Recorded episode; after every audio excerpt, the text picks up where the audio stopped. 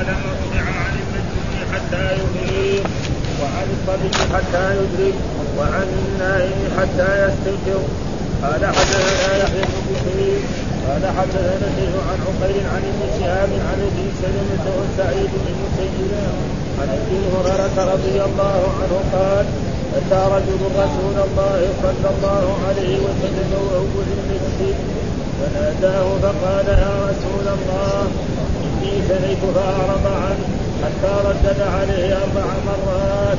فلما شهد على نفسه أربع شهادات دعاه النبي صلى الله عليه وسلم. فقال أبي مجنون قال لا. قال فهل أحصن قال نعم.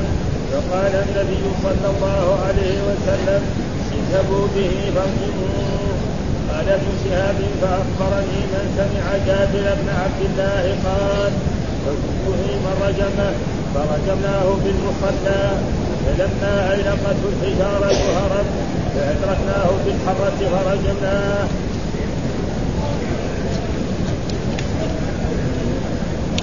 باب العاهر الحجر. قال حدثنا أبو الوليد. قال حدثنا الليث عن ابن شهاب عن عروة عن عائشة رضي الله عنها قالت اختصم سعد وابن سمعة فقال النبي صلى الله عليه وسلم هو لك يا عبد بن سمعة الولد للفراش واحتجبه منه يا سوده زاد لنا قتيبة عن الله وللعاهر الحجر. قال حدثنا آدم قال حدثنا شعبة قال حدثنا محمد بن زياد قال سمعت أبا هريرة قال النبي صلى الله عليه وسلم الولد للفراش وللعاهر الحجر. باب في البلاغ. قال حدثنا محمد بن عثمان بن كرامة. قال حدثنا خالد بن مخلد عن سليمان. قال حدثني عبد الله بن دينار عن ابن عمر رضي الله عنهما قال أوتي رسول الله صلى الله عليه وسلم بيهودي ويهودية قد أحدثا جميعا فقال لهم ما تجدون في كتابكم؟ قالوا إن أحبارنا أحدثوا تحريم الوجه والتجميل قال عبد الله بن سلام ادعوهم يا رسول الله بالسرير فاتى بها فوضع أحدهم يده على آية الرجل وجعل يقطع ما قبلها وما بعدها. فقال له ابن سلام ارفع يدك فإذا آية الرجل تحت يده فأمر بهما رسول الله صلى الله عليه وسلم فرجما. قال ابن عمر فرجما عند البلاط فرأيت اليهودي اجنى عليها.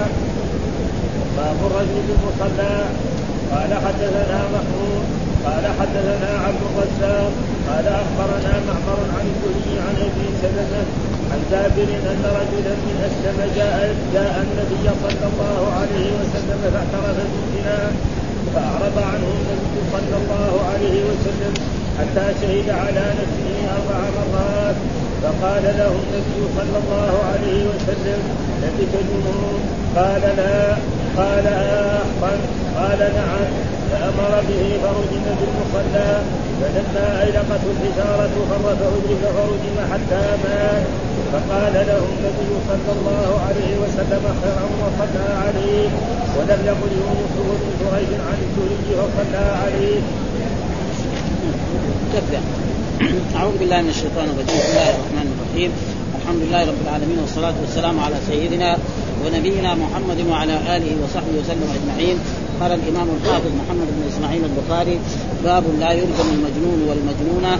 وقال علي رضي الله وقال علي لعمر رضي الله عنه أنا علمت أن القلم رفع عن المجنون حتى يفيق وعن الصبي حتى يدرك وعن النائم حتى يستيقظ. يقول باب لا يرجم المجنون. ها فإذا زنى مجنون أو مجنونة فمن ليه؟ لأن القلم مرفوع عنهم القلم مرفوع عن المجنون وعن المجنون فلا يفعل أما ذكر الحافظ لو كان يعني المحصن هذا يرجع ها لأنه ما فيها يعني ما يعني المحصن لأنه نريد إيه؟ موت أما الذي مثلا البكر إذا كان بعد ما زنى صار مجنون فهذا لا لأنه ما يتألم فلذلك ذكر إيه؟ باب باب لا يرجم المجنون ليه؟ إيش الدليل؟ الحديث ها رفع القلم عن ثلاث النائم حتى يستيقظ والمجنون حتى يفيق والصغير حتى يفيق وكذلك كان تقدم لنا في كتاب النكاح وفي كتاب الطلاق. هل الطلاق يقع على السكران ولا, ولا لا يقع؟ فكان فيه خلاف بين الأئمة وبين العلماء فبعض من العلماء يرى أنه يقع. ها؟ أكثر الأئمة يقع ان أن طلاق السكران يقع. ليه؟ لأنه هو تسبب هو الذي إيه؟ أخذ. وهناك من العلماء يعني ممن يعني مر علينا نص البخاري من جملة من يرى أن أن طلاق السكران لا يقع. وكذلك ابن القيم وشيخ ابن تيمية ويمكن الآن زي الشوكاني وغير ذلك لا لا يقع. إنما يعني يحد ويعني لا يقع. وقال علي ها وقال علي لعمر إيش السبب؟ أنه في عهد عمر بن الخطاب رضي الله تعالى عنه جاء يعني ثبت أن مجنونه يعني يعني زنت مجنونه زنت أو مجنون زنى فأمر عمر بن الخطاب في خلافته أن يرجم فلما أخذوا للرجم قابلهم علي بن أبي طالب. ماذا تريدون؟ قالوا فنرجم هذه المجنونة لأنها زنت. فقال لا ردوه. فردوه إلى إلى عمر فقال لعمر رضي الله تعالى عنه اما علمت هذا الحديث أن القلم رفع عن المجنون حتى يفيق ها؟ فهذا الحديث فلذلك بعد ذلك يعني عمر رجع إلى قول علي بن أبي طالب لأن الحديث صريح ونص أنه لا يرجم والصبي كذلك حتى يدرك. الصبي كذلك لا لو ما صلى وهو صغير أو ما فعل أي شيء فلا يقام عليه الحدود إنما يجب على آبائي وعلى أهلي أن يمرنوه على الصلاة كما جاء في حديث مر علينا مروا أبناءكم بالصلاه بسبع واضربوهم عليها لعشر وفرقوا بينهم في المضاجع. ها؟ وعن النائم حتى يستيقظ. كذلك النائم لا يكتب عليه لو فعل ولا تكلم بكلمات أو هذا فإنه لا. فهذا معناه أن الحديث هذا هذا تقريبا يعني اتى يعني الآن هذا أتى به الإمام البخاري معلم. و وهو تقريبا مرفوع آه، في في حديث آخر يعني ذكره يعني ثم ذكر الحديث المرفوع، إيش الحديث المرفوع؟ قال حدثنا يحيى بن بكير، حدثنا الليث عن عقيل عن ابن شهاب عن أبي سلمة وسعيد بن المسيب عن أبي هريرة رضي الله تعالى عنه قال أتي آه، آه، أتى رجل رسول الله، أتى رجل رسول الله صلى الله عليه وسلم وهو في المسجد فناداه. أتى رجل رسول الله صلى الله عليه وسلم فناداه فقال يا رسول الله زنيت فأعرض عنه حتى ردد عليه أربع مرات فلما شهد على نفسه أربع شهادات دعاه النبي صلى الله عليه وسلم. فقال أبيك جنون؟ هذا محل الشاهد. يعني سيق الحديث لكان أبيك جنون. يعني لو كان فيه جنون كان إيه؟ الرسول ما يقيم عليها. هذا محل الشاهد في الحديث المرفوع التي يعني قال لا. قال أحسنت. يعني انت كنت زوجت وجامعت زوجتك؟ قال نعم. فقال النبي اذهبوا به فارجموه. ففي الحديث قال أتى رجل رسولا من هو هذا الرجل؟ هو ماعز. ها؟ ماعز من بني أسلم. وهو في المسجد في هذا المسجد النبوي فناداه. فقال يا رسول الله. ها؟ قال يا رسول الله. فقال إني زنيت. قال يعترف بنفسه إنه زنى. ها؟ فأعرض عن الرسول. يعني في مثلا جاء أمام الرسول وقال إنه زنى. نعم. فالرسول أعرض عنه ما, ما توجه. ثم جاء من الجهة اليمنى. فقال يا رسول الله إني زنيت. المره الثانية ثم جاء من الجهة الثانية. قال يا إني زنيت. ثم بعد ذلك الرابعة فلما شهد على نفسه أربع شهادات والقرآن ثبت. نعم. انه الإنسان لما لازم يشهد أربع شهادات أنه زنى. فلما فعل ذلك وجاء في بعض الروايات أن الرسول قال له أبيك جنون. ففهم من ذلك. لو كان في دعاه النبي فقال أبيك جنون. هل انت مجنون؟ فاذا كنت مجنون خلاص ما, ما ها؟ فقال لا أنه ليس مجنون. ثم بعد ذلك قال الرسول هل أحصنت؟ إيش معنى الإحصان؟ أن يكون تزوج زواجا صحيحا نعم وجامع زوجته ولو مرة واحدة. أو عدة مرات ثم بعد ذلك يطلقها فهذا يسمى محصن. وأما البكر فلا يسمى محصن. البكر إذا زنى وهو لم يكن محصنا فإنه يجلد 100 جلدة ويغرب سنة عن البلده التي هو بها. ها فقال قال, نعم. كمان في بعض الروايات فقال النبي صلى الله عليه وسلم جماعته يسألوا يعني اهله واقاربه يعني هذا الرجل مجنون أو في شيء؟ قالوا لا من خيارنا. ها ناس رجل طيب ما في إلا شيء لكن وقع في هذه المرة. ها؟ ف... فبعد ذلك الرسول أمر به فرجموه إيه؟ لأنه محسن. وهذا نحن بنقرأ في إيه؟ اسمه إيه؟ يعني الزاني وعقوبة الزاني. فمن عقوبة الزاني إذا كان محصن آه، يعني آه، يرجم بالحجارة حتى يموت. وإذا كان بكر يجلد 100 جلدة ويغرب عليه. وهو كان محصن قال اذهبوا به فارجموه ولذلك رجم. وقال ابن شهاب الذي هو نفسه في في هذا الحديث نعم أخبرني من سمع جابر بن عبد الله.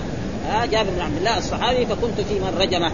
يعني فرجمناه بالمصلى. فين المصلى؟ مكان مصلى العيد. يعني تقريبا بين المسجد وبين مسجد الغمامه ومسجد سيدنا علي هذا قريب. هناك إيه؟ رجموه فادركناه فلما ادلخته الحجارة. يعني لما صار الضرب عليه بالحجارة شديد وهذا فأدركناه بالفر. لكن ما يفر يعني يقدر لأنه اول صار يفر بعيد كذا بعيد يعني كأنه ينقز ها فرجعناه حتى مات فهذا دليل ولذلك لا يقال إنسان إنه يعني الرجم ما هو موجود فإنه كانت آية موجودة في القرآن الشيخ والشيخه إذا زنى فارجموها نكالا من الله البتة والله عزيز حكيم ثم نسخ لفظها وبقي حكمها. باب لا يلزم المجنون والمجنون إذا وقع في الزنا في حال الجنون وهو إجماع واختلف فيما إذا وقع في حال الصحة ثم طرأ الجنون. فهل يؤخر إلى الإتفاق؟ قال الجمهور لا يؤخر. آه لأنه لا لأنه يراد به التلف. يعني المحسن لو كان صار مجنون تقيم عليه لأنه إيش مقصودها؟ خلاص يعني يموت. فإذا بيموت المسألة بده يموت بده يموت. وأما إذا كان لا ها يجلد فلا فهذا نؤخره حتى يجلد. لأنه قد يمكن ما يتأثر ولا يكون إيه فيه ألم. وهذا لازم يكون إيه؟ فيه الم معنى التأخير بخلاف من يجلد فإنه يقصد به الالام فيؤخر حتى وقال علي رضي الله تعالى عنه أما علمت تقدم بيان من وصل في باب الطلاق في الاغلاب وأن أبا أبا ذر وابن حبان والنسائي أخرجوه مرفوعا ورجح النسائي الموقوف. بعضهم يرجحه موقوف يعني على على الصحابي على أبي هريرة وبعضهم يرفعه إلى رسول الله صلى الله عليه وسلم. ومع ذلك فهو مرفوع حكما. إن هذا حكم شرعي.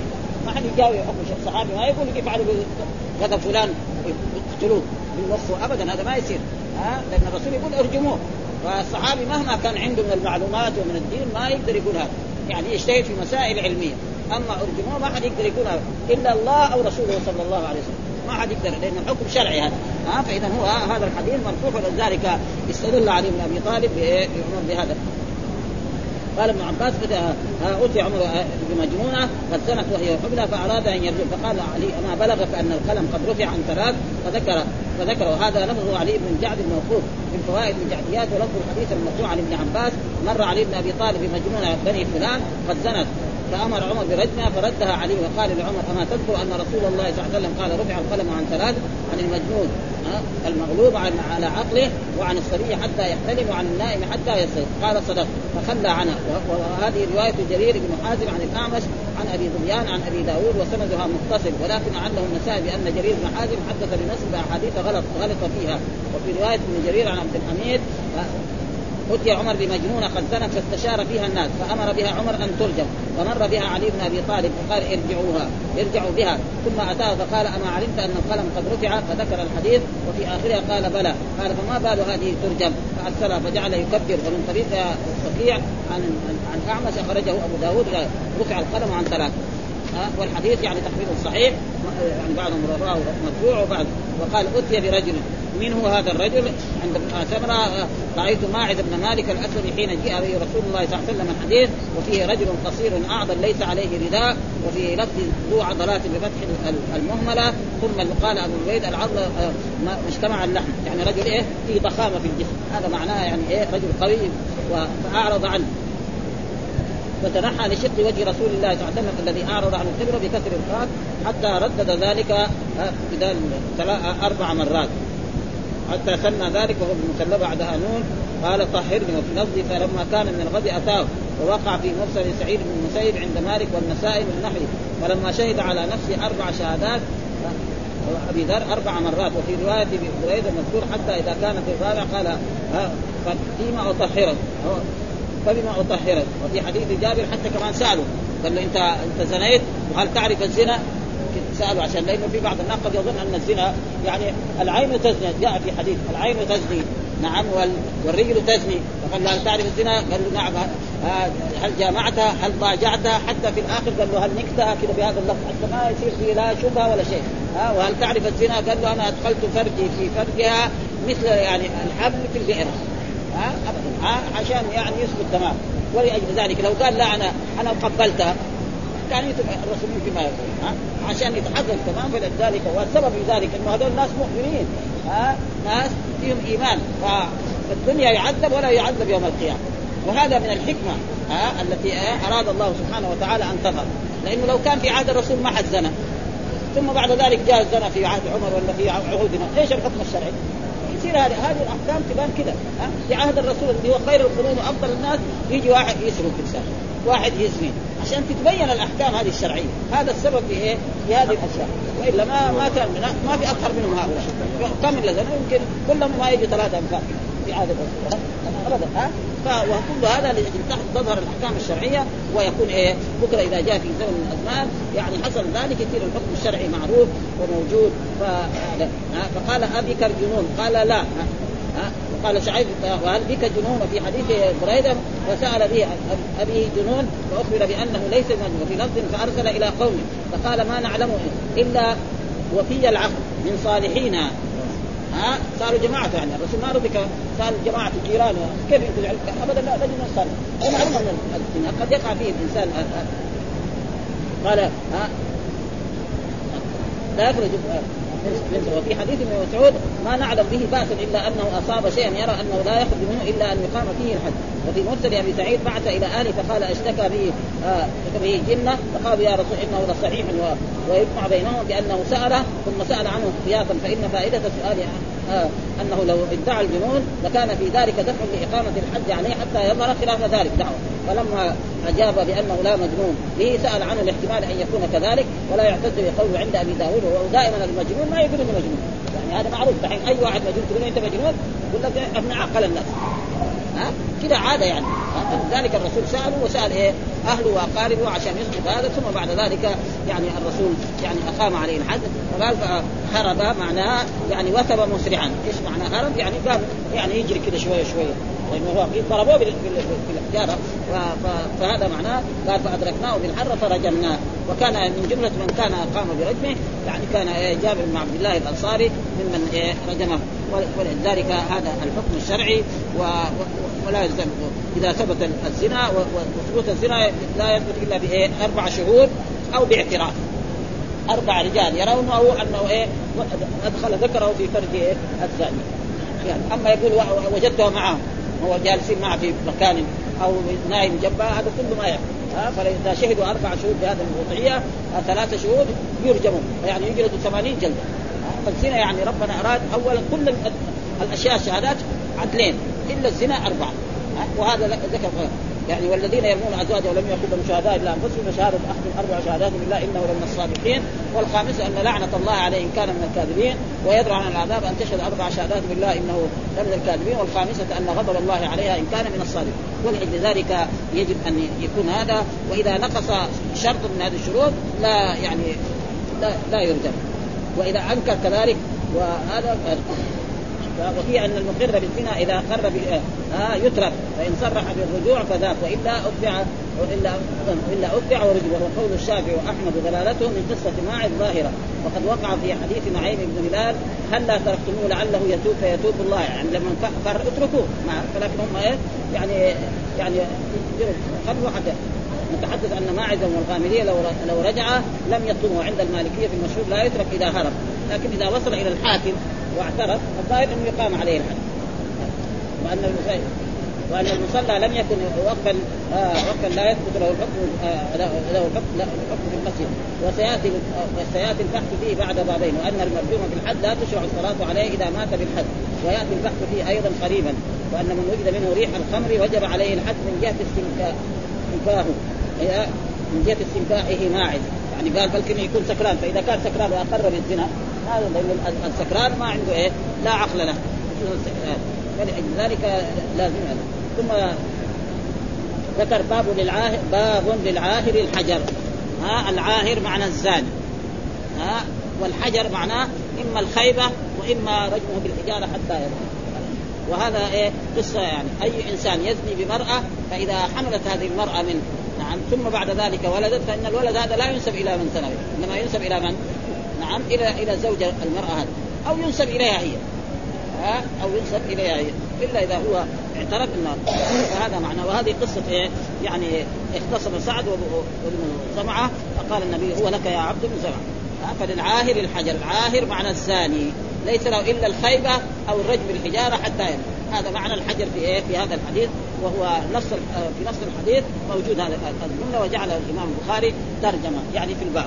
إيش الدليل؟ وهذا الحديث مر علينا دحين عدة مرات. قال حدثنا أبو الوليد قال حدثنا الليث عن ابن شهاب عن عروة عن عائشة رضي الله تعالى عنها قالت اختصم سعد وابن زمعة. فقال النبي هو لك يا عبد بن زمعة الولد للفراش واحتجب منه يا سودة لنا قتيبة عن الليث وللعاهر الحجر. وهو هذا كان في عام الفتح. ها لما فتح الرسول مكة في عام ثمانية من هجرته صلى الله عليه وسلم وكان سعد بن أبي وقاص وعبد بن زمعة كذلك كانوا ممن حضر هناك. فسعد أخذ وليده ولد قال إن هذا ولد أخي. ها؟ وقد يعني عتبة أمرني إن هذا كان يعني ومعلوم في الجاهلية كان الدين ما في شيء ما عندهم شيء. وهذا عبد بن زمعة قال هذا ابن أخي. هذا ابن أخي أو سامي أخيه إنه هذا ابن أخي من وليدته فلان. فالرسول نظر إلى إلى المولود هذا الولد الصغير فوجده أنه أشبه بعتبة الذي هو اخو لسعد بن أبي وقاص. ولكن ولد على فراش إيه؟ أخو عبد بن زمعة. فقال لك يا عبد بن زمعة وللعاهر الحجر. فأخذه وهذا هو الحكم الشرعي. دائما إذا المرأة زنت فإن الولد ينسب إلى إلى من؟ إلى إلى صاحب الفراش. ها؟ ولا ينسب إلى ذلك. فقال هو يعني هذا الولود مولود لك يا عبد يعني إيه؟ ابن أخيك. ها؟ والولد للفراش. واحتجبي منه يا سودة. ليه؟ لأن عبد بن زمعة وسودة. نعم أخت أخته. ولكن احتجب من ليه؟ لأنه في في شبه بعتبة. وهذول أزواج النبي صلى الله عليه وسلم وأزواج النبي صلى الله عليه وسلم لهم خصوصية ويكفي بذلك القرآن. يا نساء النبي لستن كأحد من النساء إن اتقيتن فلا تخضعن بقول فيطمع الذي في قلبه مرض وقلن قولا معروفا وقرن في بيوتكن ولا تبرجن تبرج الجاهلية الأولى واقمن الصلاة وآتينا الزكاة وإلا الحكم الشرعي أنه هذا يصير ولد أخوها. لكن لأنه كان في شبه بهذا فأمر الرسول أن تحتجب سودة وهذا يعني صار حكم شرعي فدائما الولد للفراش لمن ولد في فراشه. والعاهر الذي هو الزاني هذا ما له فائدة. لو ادعى لا يقبل أيضا إيش الدليل؟ برضو الحديث الثاني حديثين آه، آه، ساق الإمام البخاري. حدثنا آدم حدثنا شعبة حدثنا محمد بن زياد. قال سمعت أبا هريرة قال النبي صلى الله عليه وسلم الولد للفراش. الولد ينسب لإيه؟ للفراش لمن ولد في فراشه بعد أن وللعاهر الحجر وللعاهر الزاني الحجر إما الحجر الخيبه واما الحجر رجم بالحجارة حتى يموت فإذا كان محسن يرجم بالحجارة وإذا كان بكرا يجلد 100 جلدة ويغرب سنه عن البلد. لقول الله تعالى الزانية والزاني فاجلدوا كل واحد منهما 100 جلدة ولا تأخذكم بهما رأفة في دين الله ان تؤمنون بالله واليوم الآخر وليشهد عذابهما طائفة من المؤمنين. هذا نص من القرآن وثبت في سنة رسول الله صلى الله عليه وسلم أنه يغرب عن البلدة التي هو بها يصفى من البلدة التي هو بها. لأن آه يعني الغربه فيها ذل. أي إنسان مثلا يرسل إلى بلدة أخرى يعني يجد ما هو زي بلد. يمكن في بلده يقابل دا يسوون عليه. يروح يبغى له حتى يساوي أصدقاء يكون أصدقاء. ها ففي ذل فلذلك وبعضهم قال لا إذا كان زرع في هذا البلد يعني مع النص ما يصلح كلامه. يعني إذا أرسلناه إلى بلد ثاني يزني فيها. لا قال نسجن. وما في أحسن من تشريع الرسول صلى الله عليه وسلم. ابدا. ها؟ قال يصفر يسفر ها؟ والتسفير الغربة عن البلاد يعني فيها معروف إنه فيها مشقة وفيها متاعب عظيمة لا باب ثم ذكر باب الرجل في البلاغ. ها؟ باب الرجل في البلاغ. إيش المراد بالبلاغ؟ أصح الاخوان أنه كان مسجد رسول الله صلى الله عليه وسلم يعني حوله يعني حجار مفروشه ها؟ مفروشه كده. وهذا هو إيه؟ البلاغ. ها ليس معناه في داخل المسجد. يعني الرجل في البلاغ كان مسجد رسول الله مثل ما هو. الآن هو خرجنا المسجد في بلاغ دحين بشكل غير عهد الرسول صلى الله عليه وسلم. ها البلاغ شيء, شيء ثاني فكان على عهد رسول الله كان في بلاغ هنا. فكان الرسول إذا أمر برجل إنسان أو جلد إنسان يخرج من خارج المسجد و... ويضرب في ذلك المكان. يعني لا تقام الحدود في المساجد. فهذا معنى البلاغ. وبعضهم فسر البلاغ بمعنى يعني حجارة صغيرة موجودة في خارج المسجد بعيد عن المسجد فاخذ بتلك الحجارة ورجل ولكن أصح الأقوال هو هذا أن البلاغ يعني فرش حجارة حول مسجد رسول الله صلى الله عليه وسلم في ذلك العهد وهذا معناه وأن الحدود لا تقام في المسجد إنما تقام خارج المسجد. وفي أي مكان؟ في أما في داخل المسجد لا تقام الحدود آه إيش الدليل؟ قال حدثنا محمد بن عثمان ابن كرامة حدثنا خالد بن مخلد عن سليمان حدثني عبد الله بن دينار عن ابن عمر رضي الله عنهما قال أتى رسول الله صلى الله وسلم رسول الله صلى الله عليه وسلم بيهودي ويهودية قد احدثا جميعا. فقال لهم ما تجدون في كتابكم؟ قالوا إن احبارنا احدثوا تحميم الوجه والتجبيه قال عبد الله بن سلام ادعهم يا رسول الله بالتوراة. فأتي بها فوضع أحد يده على يد الرجل وجعل يقرأ ما قبلها وما بعد. فقال ابن سلام ارفع يدك. فإذا آية الرجل تحت يده فأمر بهما رسول الله صلى الله عليه وسلم فرجم قال ابن عمر فرجم عند البلاغ. هذا محل الشاهد. فرجم عند البلاغ فرأيت اليهودي أجنى عليها. يقول في هذا الحديث يعني عبد الله بن دينار عن ابن عمر قال أتي رسول الله بيهودي ويهودية. ها؟ أتي بيهودية ويهودية نعم. وأن اليهود كان إيه تحت ذمة أصحاب المسلمين في هذه المدينة. لما هاجر الرسول هذه المدينة صار بينهم وبينهم اتفاق أنهم لا يكونوا على دينه ولا يكونوا ضده. ها؟ ف وثم بعد ذلك لما حصلوا هم إيش فكروا؟ قال بلكن يعني الرسول يعني يخفف علينا يعني ما يأمر بالرجل. فجاءوا إلى الرسول وهذا جاء في القرآن في سورة المائدة. يا أيها الرسول ها؟ بعد بعد بعد آية السرقة.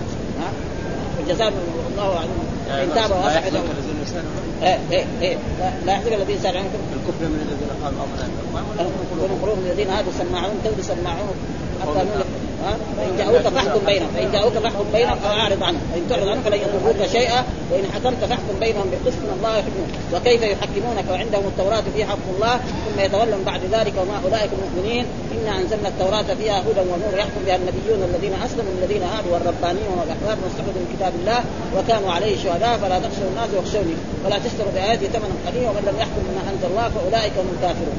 ها فكلم الرسول ائتوا بالتوراة فلما اتوا بالتوراة الرسول على كل حال التوراة بإيه؟ ها بالعبرية ما هو بالعربي والرسول الامي لا يقرأ ولا يكتب هذا مفهوم فأرادوا يساووا تعميا يعني إيش؟ إنه يعني يحطوا يدهم على التوراة فقال إيش تجد؟ قال احبارنا احدثوا تحميم الوجه، إيش تحميم الوجه؟ قال مثلا يجيبوا فحم وماء حار ويحطوا الماء الفحم فإذا لما يتحلل الفحم ثم بعد ذلك يحطوه على وجه الإنسان ثم بعد ذلك يدوروه في البلد. إما راكب وإما كده منحني زي الراكع يدوروه في البلد. هذا إيه؟ ها؟ ومع إنه في في, في التوراة يعني الرجل. موجود هذا. فهم سعوا فالرسول أمر ائتوا بالتوراة. قال عبد الله بن سلام هذا يهودي قد أسلم ائتوا فأتوا بالتوراة وجاء في حديث قرأناه برضه في سنن أبي داود لما اتى بالتوراة والرسول كان جالس على وسادة. والوسادة معناه زي المخدة. فأخذ الرسول الوسادة ووضع كذا وقال له ضع التوراة عليه.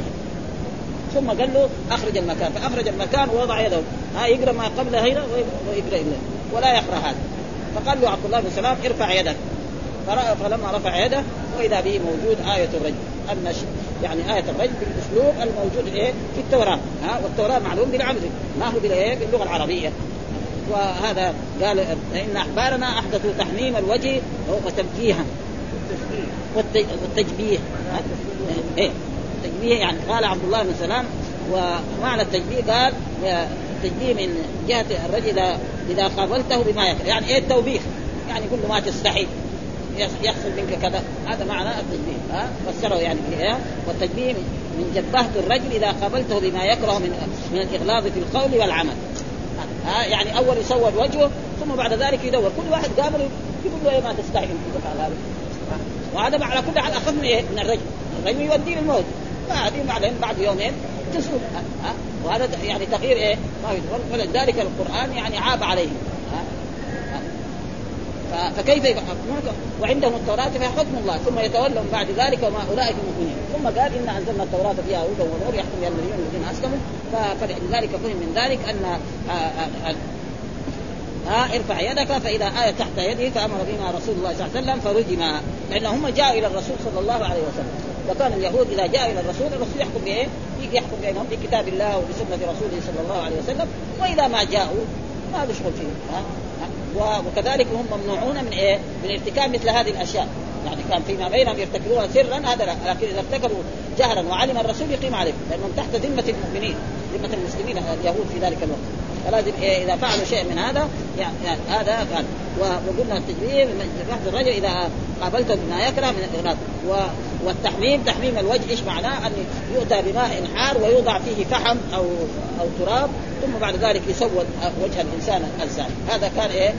ومعلوم أن القرآن ذكر عن اليهود فويل الذين يكتبون الكتاب بأيديهم ثم يقولون هذا من عند الله ليشتروا به ثمنا قليلا فويل لهم مما كتبت أيديهم وويل الله يعني كانوا في بني إسرائيل إذا زنى الفقير نعم يرجموه بالحجاب. وإذا زنى الشريف يتركوه. فصاحوا الفقراء هذا الظلمه وأنتم كذا ما تخافون الله. فمسحوا هذا في التوراة وكتبوا هذه الأشياء. انه يحمر وجهه وجبه يعني يوبخ. فقبلوا الفقراء. يعني هذا يصير نستوي نحن وهم.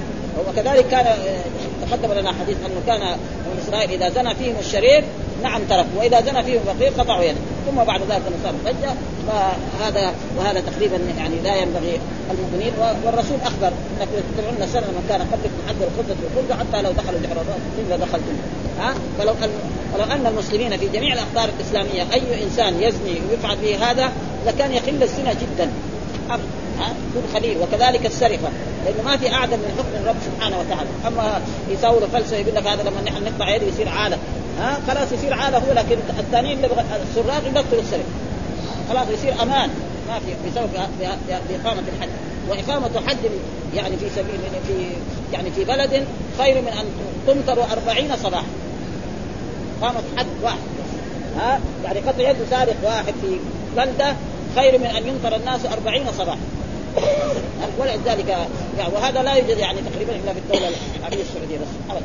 والباقي كلها ما في إلا قوانين وضعية قد يسجن ثم بعد ذلك هذا المجرم يأتي بمحامي ها ويخرج بريء ويطالب الدولة كمان يقول يطالب بشرفه. ولذلك شوف السرقات في بعض البلاد اللي إيه؟ ها الأمم المتمدنه اللي ادعوا المدنية ما أكثر السرقات يعني يكفي أن أعظم دولة هي أمريكا. يقول لك لا يوجد فندق مفتوح الباب من الفندق. دائما مفتوح كذلك أي شقة مسكوكه ما ما هي مفتوحة. إذا جيت وفرقت الجرس ينظر يسألك من؟ بعد ذلك يفتح. وإذا ما يعرف ما يفتح. هنا مثلا الدكاكين تكون مفتوحة. المساجد مفتوحة. ما في الفندق ما يكون مفتوح. فإذا كان مفتوح اذا البيت كيف؟ الفندق لأنه فيه كم؟ يمكن في ألف نفر. ليه؟ لأنه ما يعني ما في حكم الشرع. ولا في حكم الشرع ولأجل ذلك ما في أحسن من أحكام الشرع. السارق والسارق واستوى الزانية والزانية في كل واحد لو فعل هذا في جميع الأقطار لكان الناس يعني في أمن وفي صحة وفي ابدا ولا يكون أي شيء. ها؟ ها؟ فرأيت اليهود أجنى عليه يعني انكب عليه. لما صار الرجل عليها يقوم إيه يميل عليها عشان يجي له هو الضرب ولا يجيها هي. ها؟ ها؟ وهذا تقريبا وهذا الحديث برضه آه، وفي رواية بالبلاط وبالموحدة بدل بدل في في في ففهم منه بعضهم انه يريد أن الآلة التي يريد بها تجوز بكل شيء حتى بالبلاط هذا هذا تفسير. ولكن الصحيح البلاط هو إيه؟ يعني الحجاب المصفوفه خارج مسجد رسول الله صلى الله عليه وسلم كما هو الآن موجود. هذا يسمى ما تفرش قال بفتح واحدة وفتح لا ما تفرش بالدور من حجارة وحاجر وغير ذلك.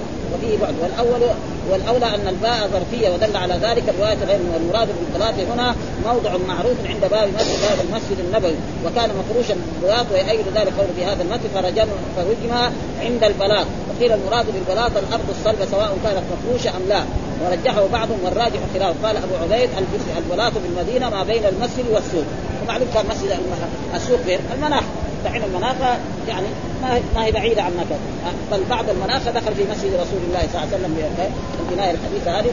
وفي الموطا عن سالم قال كنا آه، نسمع قراءة عمر بن الخطاب ونحن عند دار أبي جهل بالبلاغ ها؟ يعني ما بدون إيه؟ بدون مكبر الصوت ذاك الوقت. يعني لأنه في المناقب يمكن ونحن رأى يعني رأينا أن المؤذنين قبل يجي مكبر الصوت يعني كان في سيارات يسمع الأذان في المدينة هنا من أبيار علي ومن عروة ومن سيدنا حمد. ها لأنه ما في كان ضجة سيارات. دحين يا يا الله هنا يسمع. إيه لأنه ما في ضجات ولا في سيارات ولا في غلبة ولا في أشياء. فيسمع يعني في إيه بصوت العادي يسمع المؤذن. هذا شيء نحن شاهدناه وشاهده كثير من المسلمين. هذا ولكن الآن يمكن يعني حتى لأنه في غلبات في سيارات لا, لا تعد ولا تحصى فأصبح يعني الآن. قال تحميم الوجه إيش معناه؟ قال يصب عليه ماء حار مخلوط بالرماد والمراد تسخيم الوجه بالحنين وهو الفحم. وقوله والتجبية بفتح المثنات وسكون الجيم وكسر الموحدة بعدها ياء آخر الحروف ساكنة ثم هاء أصلية من جبهة الرجل إذا قابلته بما يكره من الإغلاظ في القول أو الفعل قال قاله ثابت الدلائل. وسبقه الحرب وقال غيره بوزن تذكرة. ومعناه الإركاب الإركاب منكوسا. يعني ذكروا إيه؟ خلف الناس يركب على الحمار كده يذكروا كده ويدور في البلد. برضه هذا. لكن الأول هو إيه؟ أصح. ينكب على وجهه وفسر بعد ان ينكب على وجهه باركا كالساجد قال جبا بالفتح بفتح الجيم وتشديد الموحد جبأ بفتح الجيم وتشديد الموحدة قام قيام الراكع وهو عريان. والذي بالنون بعد الجيم إنما جاء في قول فرأيت اليهودي اجنى عليها. اجنى وقبضت بالحائل اجنى عليها وقبضت بالحاء المهمله ثم نون بلفظ الماضي أكب عليها. وهذا هو الصحيح أكب قال احمد المرأة على ولدها حنوا وحمد ثم ذكر باب الرجل بالمصلى. يعني كذلك الرجل يكون إيه؟ في خارج المسجد ويكون مصلى. فين المصلى؟ يعني مصلى العيد في عهد رسول الله صلى الله عليه وسلم وهو كان تقريبا مع مسجد بين مسجد الغمامه إلى مسجد علي بن أبي طالب إلى مسجد عمر بن الخطاب الذي يسمون بهذه الأسماء. فهذا كله إيه؟ كان يسمى يعني يصلى العيد لأنه كان الرسول ممكن كان يصلي عند مسجد غمامة ثم كان عمر ابو بكر يصلى بعد شوية على على الجهة فيها ثم عمر كذلك ثم بعد ذلك توسعت المسألة ثم أصبح وكان الرسول دائما يصلي في إيه؟ العيد. والاستسقاء في خارج المسجد. أما في مكة فإنه يشرع أن يكون في المسجد الحرام. ابدا. ها وأما في وهنا في المدينة كذلك جعلوا في إيه؟ في المسجد. ونحن نعرف زمان في سنوات طويلة كان يصلى يعني يعني عند باب العنبرية. الفرح الذي عند باب العنبرية كنا طلاب صغار يعني كنا نروح مع مع الطلاب في هذا المكان وكان يقام تقام صلاة الاستسقاء في هذا المكان. يعني رأوا. ها والآن بعد رأوا إنه يعني الناس في المدينة ما هم مثل أول. يعني كثير الآن رأوا إنه يصلى في المسجد. آه إيش الدليل؟ قال حدثنا محمود قال حدثنا عبد الرزاق قال أخبرنا معمر عن الزهري عن أبي سلمة عن جابر أن رجلا من أسلم. وهو يعني آه، إذا مر علينا بالآن من أسلم جاء النبي فاعترف بالزنا فأعرض يعني قال إنه زنى آه يقول عن نفسه المتكلم إنه فأعرض عنه النبي صلى الله عليه وسلم. ها يعني جاء من أمام قال إنه آه فأعرض جاء من الجهة اليمنى. جاء من الجهة اليسرى ثم جاء خلفه وأعرض أربع مرات فاعرض حتى شهد على نفسه أربع مرات. فقال له النبي أبيك جنون هل أنت مجنون يعني؟ ها؟ فقال لا. أنا لست مجنون. قال أحسنت. يعني أنت كنت زوجت قبل ذلك زواجا صحيحا مجامعة زوجتك؟ قال نعم. فأمر به فرجم. وتقدم لنا انه بعد ذلك الرسول سأل إيه أصحابه وأقاربه هل به مجنون أو كذا؟ وقال له هل تعرف الزنا كمان؟ ها تعرف الزنا؟ قال له نعم أعرف الزنا. ها لأنه في بعض في أحاديث مرت العين تزني. والرجل تزني. يعني رجل تزني إيه؟ تروح يعني إلى مكان الزنا. فسالوه حتى بعد ذلك أقر إنه أدخل فرجه في فرجها. كما يدخل مثلا الحبل في البئر. فلذلك بعد ذلك أمر به فرجم فرجم بالمصلى. فرجم بالمصلى. فلما اطلقته الحجارة فر يعني لما كثر ضرب الحجارة عليه اطلقته وألمته فأدرك فر فأدرك فرجم حتى مات. فقال له النبي صلى الله عليه وسلم خير. ليه؟ لأنه هو معترف هو جاء يعني معناه تائب. يعني ليه صلى عليه النبي صلى الله عليه وسلم؟ لأنه تاب. والتائب من الذنب كمان لا ذنب له. فلذلك صلى عليه رسول الله صلى الله عليه وسلم. ها؟ لأنه هو جاء. لأنه الشرطة ما مسكته ولا البوليس مسكه ولا الجيران مسكوه جابوه هو بنفسه جاء للرسول يقول انه طهير ها؟ فهو تائب. والتائب لا عليه ذنب خلاص. فالرسول صلى عليه. حتى قال في بعض الروايات إنه تاب توبة لو قسمت على سبعين من أهل المدينة لكفته. بهذا النص. سبعين من أهل المدينة يعني إيه؟ من المنافقين. ومعلوم ان في عهد رسول الله كان هناك نفاق ولا يزال النفاق في كل وقت وفي كل عهد. موجود يعني. ها؟ لا كما يظن بعض الناس أن النفاق إذا كان في عهد رسول الله هناك منافقون ففي في العهود التي بعدها منافقون. والقرآن دائما يذكر المنافقين في في سور من القرآن منها أول سورة البقرة. ذكر يعني أول آه، المؤمنون ثم الكافرون ثم بعد ذلك المنافق. وهو في قول الله تعالى ألف لام ذلك الكتاب لا ريب في هدى المتقين الذين يؤمنون بالغيب ويقيمون الصلاة ومما رزقناهم ينفقون والذين يؤمنون بما أنزل إليك وما أنزل من قبلك وبالآخرة هم يؤمنون أولئك على هدى من ربهم وأولئك هم المفلحون. هذول المؤمنون. ثم قال إن الذين كفروا سواء عليهم انذرتهم أم لم تنذرهم لا يؤمنون. ختم الله على قلوبهم وعلى سمعهم وعلى أبصارهم غشاوة ولهم عذاب عظيم. هذا في إيه؟ في الكفار. بعدين قال ومن الناس من يقول آمنا بالله وباليوم الآخر وما مؤمنين 13 آية. 13 آية في في سور سورة كاملة اسمها سورة المنافقون. إذا جاءك المنافقون قالوا بشر إنك لرسول الله. والنفاق موجود. الناس في كل زمن من لدن آدم إلى أن تقوم القيامة أو من لدن نوح إلى أن تقوم القيامة ثلاثة أقسام. مؤمن كافر منافق. إنما قد يقل وقد يكثر ها؟ بس ها؟ أما كونه ما في منافق أبدا هذا ليس بصحيح. قال خير وصلى عليه. ولم يقل يونس بن جريج عن الزهري فصلى عليه. وهذا موجود في حديث انها هذيك المرأة تابت توبة لو قسمت على سبعين من أهل المدينة فإذا تاب من الذنب يصلى عليه. ها؟ وأما لو مسكوه الفصوص الشرطة أو البوليس وهذا فأقيم عليه الحد هذا لا يصلى عليه لا يصلي عليه أهل الفضل. العلماء والناس الكبار والناس العاديين يصلى عليه ها؟ يعني مثلا واحد ارتكب جريمة قتل أو هذا فاذا قسم في الشرشوره هناك بس يصلوا عليه اللي جاي في الشرشوره يبدوا خلاص. ما يجيبون الحرم هنا يصلوا عليه. يعني مثلا هذه فيها خلاف يعني ها؟ أهل الفترة ها؟ أهل الفترة فيها خلاف وأصح الاقوال يعني تقريبا كثير منهم يقول لأنه يقول إيه؟ لتنذر قوما ما أنذر ابائهم كده في هذا النص في القرآن. لتنذر قوما ما أنذر ابائهم فبعض من العلماء يرى إنه يعني يعني يسمى من الكفار. وهناك رأينا في تفسير ابن كثير أن الله يمتحنهم يوم القيامة. يعني في امتحان خاص لأهل الفترة. الله يقول لهم يا أنتم يعني يدخلون النار يقول نحن ما جاءنا نبي ولا يقول لهم طيب هذه نار ادخلوها. فالذي كتب له السعادة يقول مرحبا حسب امرك يا ربي يجي فاذا أقبل عليها ورمى نفسه تكون الجنه وهذا تقريبا هو أحسن. وهناك من الناس من يقول انهم كلهم ف... وفي أحاديث يعني تقريبا تدل على هذا. ونرجو إيه، يقول الرسول قبله كان إسماعيل. يعني ثلاثة أنبياء في في جزيرة العرب موجودين. وهو إيه؟ يعني إسماعيل وهود وصالح. كلهم. وكانوا هم يعني أهل يعني قريش كانوا على عبادة الله وحده لا شريك له يعبدون الله حتى ذهب عمرو بن يحيى إلى الشام وأتى بأصنام وعلمهم. وإذا كانوا كذا ها؟ وهذه مسألة والأحسن عدم إيه؟ الخوض فيها. يعني عدم الخوض في هذه المواضيع أحسن ها؟ لأن الله ما يسألنا عن أهل الفترة. يعني يسألنا نحن يسألك عن عن نفسك وعن محمد. تعرف ولا ما تعرف؟ هل اتبعت ولا ما اتبعت؟ ما في إدخال في آشياء ثبتت مثلا. وكذلك عدم البحث في أبوي الرسول صلى الله عليه وسلم. ما في حاجة إنسان يبحث عن أبوي الرسول صلى الله عليه وسلم.